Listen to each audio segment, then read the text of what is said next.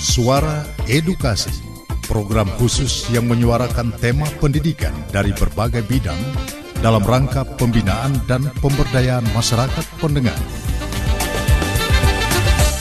Assalamualaikum warahmatullahi wabarakatuh. Selamat malam pendengar. Radio Republik Indonesia Ambon dalam siaran pembinaan bahasa dan sastra Indonesia dan daerah.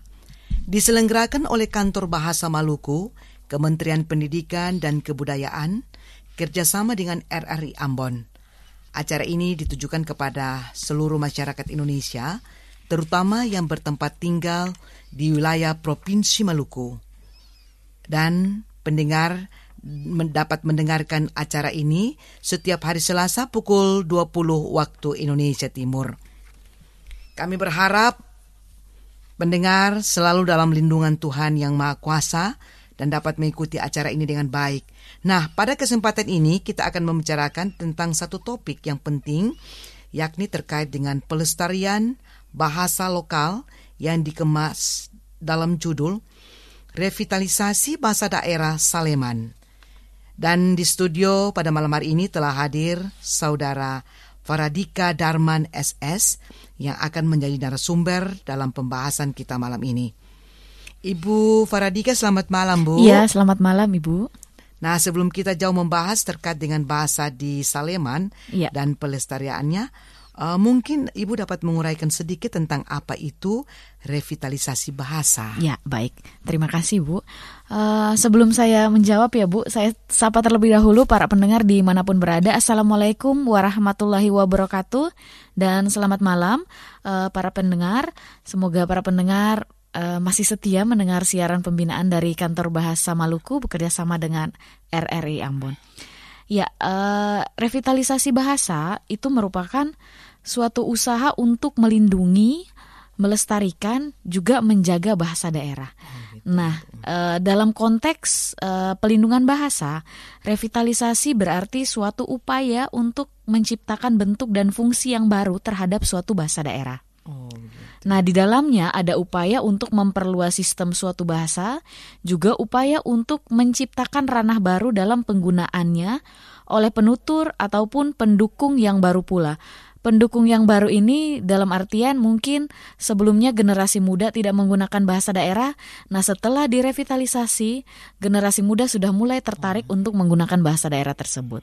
Kurang lebih seperti itu. Hmm. Nah, pelindungan bahasa daerah ini ditujukan untuk melestarikan dan mengembangkan kedudukan bahasa daerah, fungsi dan ranah penggunaan bahasa itu sendiri. Oh, Seperti gitu itu, ya, Ibu. Ya, Iya. Ya, tentunya uh, kita melihat kondisi beberapa bahasa daerah di Maluku yang hampir punah. Iya betul. Ha, dan tidak digunakan lagi oleh penuturnya. Ya kita lihat khususnya generasi muda, maka penting sekali dilakukan revitalisasi. Nah mungkin selanjutnya dapatkah diberikan gambaran secara rinci tujuan revitalisasi maksud kami tujuan revitalisasi bahasa ini, Bu? Ya, uh, jika kita berbicara tentang tujuan, uh, sudah terkait dengan pembahasan awal tadi ya, Bu ya. ya. Uh, Tentunya tujuan utama revitalisasi bahasa atau kegiatan revitalisasi itu untuk menyelamatkan bahasa-bahasa daerah dari kematian atau hmm. kepunahan. Jadi bahasa-bahasa daerah yang sudah hampir punah itu dihidupkan kembali bahasa sederhananya atau dipelihara lagi, dilestarikan lagi agar tidak punah. Nah, bagaimana caranya? Penyelamatan tersebut uh, kita lakukan dengan meningkatkan jumlah penutur dan ranah penggunaan bahasa. Kemudian dapat pula dilakukan dengan cara melestarikan informasi tentang keanekaragaman bahasa untuk generasi yang akan datang. Kemudian e, menciptakan peluang yang strategi baru dan mempertahankan bahasa. Serta kita dapat memperkenalkan dan menamakan maaf menanamkan tanggung jawab dalam pelindungan bahasa tentunya kepada semua penutur atau pemilik bahasa daerah itu. Oh gitu ya Bu ya? Iya betul. Nah apa yang dilakukan sebelum kita merevitalisasi suatu bahasa daerah? Nah ini yang sangat penting ya Bu. Uh, sebelum kita merevitalisasi tentunya kita terlebih dahulu harus uh, tahu dulu bahasa ini statusnya seperti apa. Apakah dia masih stabil ataukah dia sudah terancam punah ataukah oh, iya. sudah punah. Nah, untuk mengetahui status bahasa itu, kita harus melakukan satu kajian atau penelitian yang dinamakan dengan kajian vitalitas bahasa. Oh, gitu. Seperti ya, itu, ya. Ibu. Ya. Nah, bagaimana daya hidup bahasa daerah Saleman saat ini dan mengapa perlu direvitalisasi, Bu? Iya.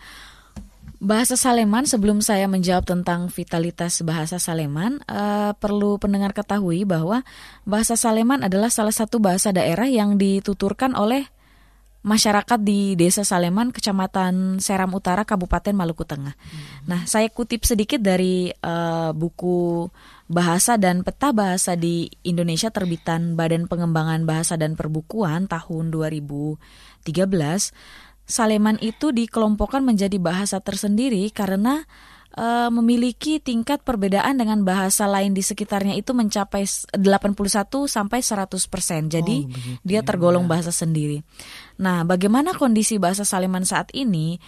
Melalui kajian vitalitas bahasa pada 2018 itu dilakukan oleh uh, Pusat Pengembangan dan Pelindungan Badan Bahasa, diketahui bahwa bahasa Saleman uh, statusnya mengalami kemunduran.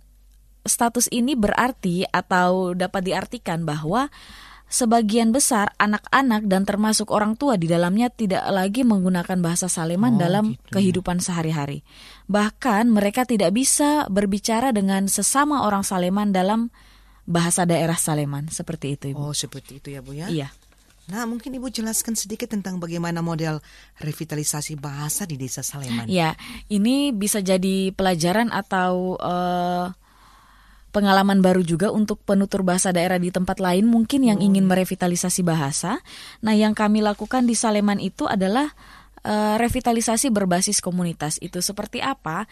Nah, kami sesuaikan uh, bentuk revitalisasi itu dengan uh, kondisi di desa atau dusun tersebut. Mm-hmm. Nah, fokus utama revitalisasi di Saleman itu kami khususkan kepada generasi muda, terutama uh, tingkat SD dan uh, SMP. Tentunya uh, tidak bisa kami lepas pisahkan juga dari peran masyarakat setempat dan yeah. juga orang tua. Karena pengajaran bahasa daerah itu dimulai dari lingkup kecil yaitu oh. keluarga. Nah, selain orang tua dan masyarakat, kami juga melibatkan pengajar bahasa daerah yang ada di sekolah. Hmm. Itu pengajar uh, muatan lokal yang ada di sekolah, kurang lebih ada tiga sekolah, dua SD dan satu SMP di Saleman. Nah, revitalisasi ini dilakukan dengan penguatan pelajaran muatan lokal dan pertemuan di luar kelas. Jadi ada di dalam kelas, juga ada di luar kelas ya. untuk pengajaran bahasa daerah Saleman oleh pengajar yang uh, kami yakin benar-benar masih menguasai uh, bahasa Saleman. Saleman ini ya. Nah, model revitalisasi seperti ini tentunya uh, itu tadi kita tidak bisa pisahkan dari peran orang tua ya, Bu ya. ya, ya. Uh, harus ada uh, keterlibatan dari semua pihak tentunya. Jika lingkungan tempat tinggal tidak memberikan suatu model atau contoh yang baik kepada generasi muda, tentunya semua kegiatan atau semua bentuk model revitalisasi pun akan eh, sia-sia uh, seperti itu, Bu. Kemudian para pendengar, perubahan sikap penutur atau masyarakat pendukung pun menjadi tujuan diadakannya revitalisasi, uh, revitalisasi bahasa kemarin. Pelestarian bahasa di mana pun harus ada kerjasama semua pihak termasuk pemerintah negeri atau desa dan uh, mungkin tingkat dusun. Nah, revitalisasi tersebut uh, kita mulai dengan uh, tahap pertama itu ada rapat koordinasi dulu bersama pemangku kepentingan, di antaranya pemerintah negeri, sekolah, guru, dan juga siswa atau generasi oh, muda. Iya. Kemudian tahap selanjutnya adalah pembelajaran. Ini yang dilakukan oleh pengajar uh, atau guru bahasa daerah dengan orang tua juga masyarakat uh, setempat. Dan terakhir uh, beberapa hari yang lalu itu adalah evaluasi yang berupa pementasan oleh siswa. Nah, pementasan ini kami kemas dalam bentuk uh, lomba bahasa hmm, daerah Saleman. Ya. Kurang lebih uh, terdiri atas uh, nyanyian, kemudian ada bertutur atau bercerita rakyat dalam bahasa Saleman, iya. ada juga pidato, ada juga uh, baca puisi dalam bahasa daerah, juga untuk anak-anak SD kami khususkan untuk uh, berhitung dalam bahasa daerah Saleman. Ya, seperti itu kurang lebihnya Bu, model bahasa eh, model revitalisasi bahasa Saleman kemarin. Oh, gitu ya Bu ya? Iya. Penjelasannya cukup jelas sekali ya Bu. Iya. Nah, mungkin saya mau tanya lagi Bu, kira-kira apa bentuk revitalisasi bahasa di satu desa atau dusun? Uh, dapat disamakan begitu ya Bu? Uh, tentunya tidak bisa ya Bu ya, karena uh, keadaan suatu bahasa daerah di satu desa, negeri atau dusun di masing-masing daerah itu berbeda-beda. Berbeda memang benar. Nah, ya. model revitalisasi ini bergantung pada daya hidup atau status bahasa daerah itu. Selain itu, bentuk revitalisasi ini pun baiknya kita sesuaikan dengan uh, kebiasaan atau kemampuan masyarakat penutur. Oh, gitu, Jadi ya, tidak bisa memaksakan model A harus diterapkan di desa B tetapi tidak sesuai dengan keadaan setempat, masyarakat setempat. Nah, pemerintah negeri atau dusun juga uh, mungkin uh, pelibatan dari kabupaten sebagai penutur asli, mereka memegang penuh kendali akan hidup atau tidaknya suatu bahasa daerah itu. Oleh karena itu, penentuan model atau bentuk kegiatan harus ditentukan dan dikomunikasikan dengan baik, tentunya dengan pihak yang bertanggung jawab juga masyarakat penutur. Jadi harus ada duduk bersama dulu antara kami e, dari lembaga kebahasaan dengan e, pemerintah desa, juga pemerintah kabupaten dalam hal ini mungkin Dinas Pendidikan dan Kebudayaan yang lebih uh, tepat mengatur tentang kebudayaan daerah oh, di gitu kabupaten ya, masing-masing. Iya. Nah, adakah regulasi yang mengatur tentang revitalisasi atau perlindungan bahasa daerah ini, Bu? Iya, uh, ketika berbicara tentang regulasi tentunya sudah ada. Uh, hmm. Sudah sejak lama ada regulasi yang mengatur tentang kebahasaan. Ini termuat dalam Undang-Undang uh, Nomor 24 Tahun 2009. Ya saya ulangi ya para pendengar, bisa dicek kembali uh, Undang-Undang Nomor 24 Tahun 2009 itu adalah undang-undang yang mengatur tentang bendera, bahasa, lambang negara juga lagu kebangsaan. Nah, terkait dengan pelindungan bahasa itu khusus adanya pada pasal 42 yang kurang lebih berbunyi seperti ini.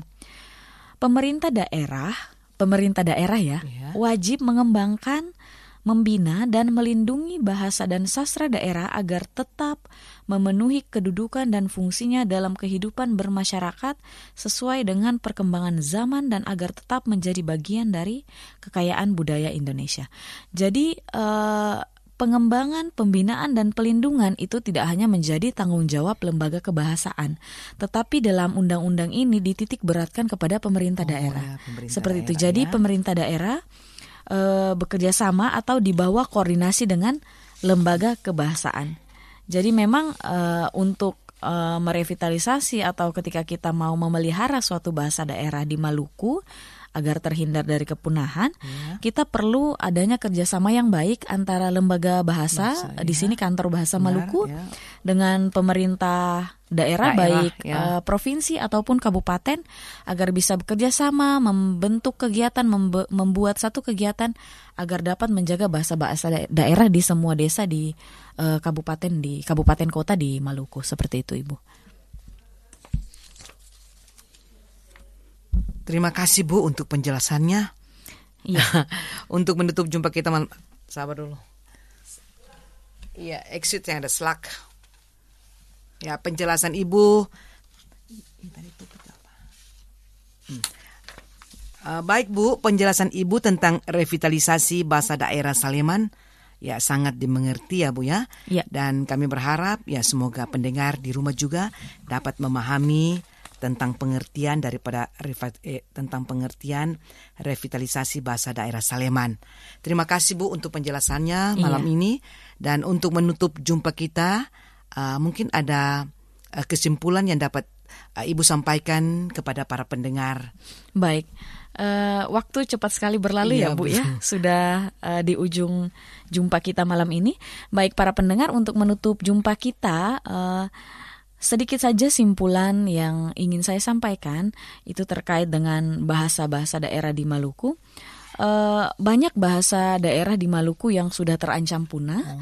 dan terus uh, dari waktu ke waktu mengalami kemunduran serta uh, penurunan status. Nah, bahasa perlu pendengar ketahui bahwa bahasa itu tidak sekadar sebagai sekumpulan kata atau seperangkat kaidah tata bahasa, yeah. melainkan bahasa lokal atau bahasa daerah itu adalah hasana budaya, aset budaya Provinsi Maluku dan hasana pemikiran yang mempunyai keunikan tersendiri. Jadi masing-masing desa, masing-masing dusun itu punya kekhasan atau keunikan bahasa tersendiri. Nah, kepunahan atau kematian bahasa daerah berarti kepunahan budaya dan tentunya hilangnya kekayaan adat masyarakat dalam suku atau etnis tertentu. Oleh karena itu, eh, kegiatan revitalisasi ini dilakukan untuk mencegah dan menjaga kelestarian bahasa daerah agar terhindar dari kepunahan. Ya, para pendengar, mari kita selamatkan bahasa daerah karena bahasa daerah adalah identitas kita bersama. Ya, mungkin itu saja, uh, Ibu. Terima kasih, para pendengar. Assalamualaikum warahmatullahi wabarakatuh, dan selamat malam. Baik pendengar, selamatkanlah bahasa daerah karena bahasa adalah identitas. Demikian saudara jumpa kita dalam acara siaran pembinaan bahasa Indonesia. Selamat malam dan kita akan jumpa lagi di lain kesempatan dengan topik yang berbeda. Selamat malam. Wassalamualaikum warahmatullahi wabarakatuh.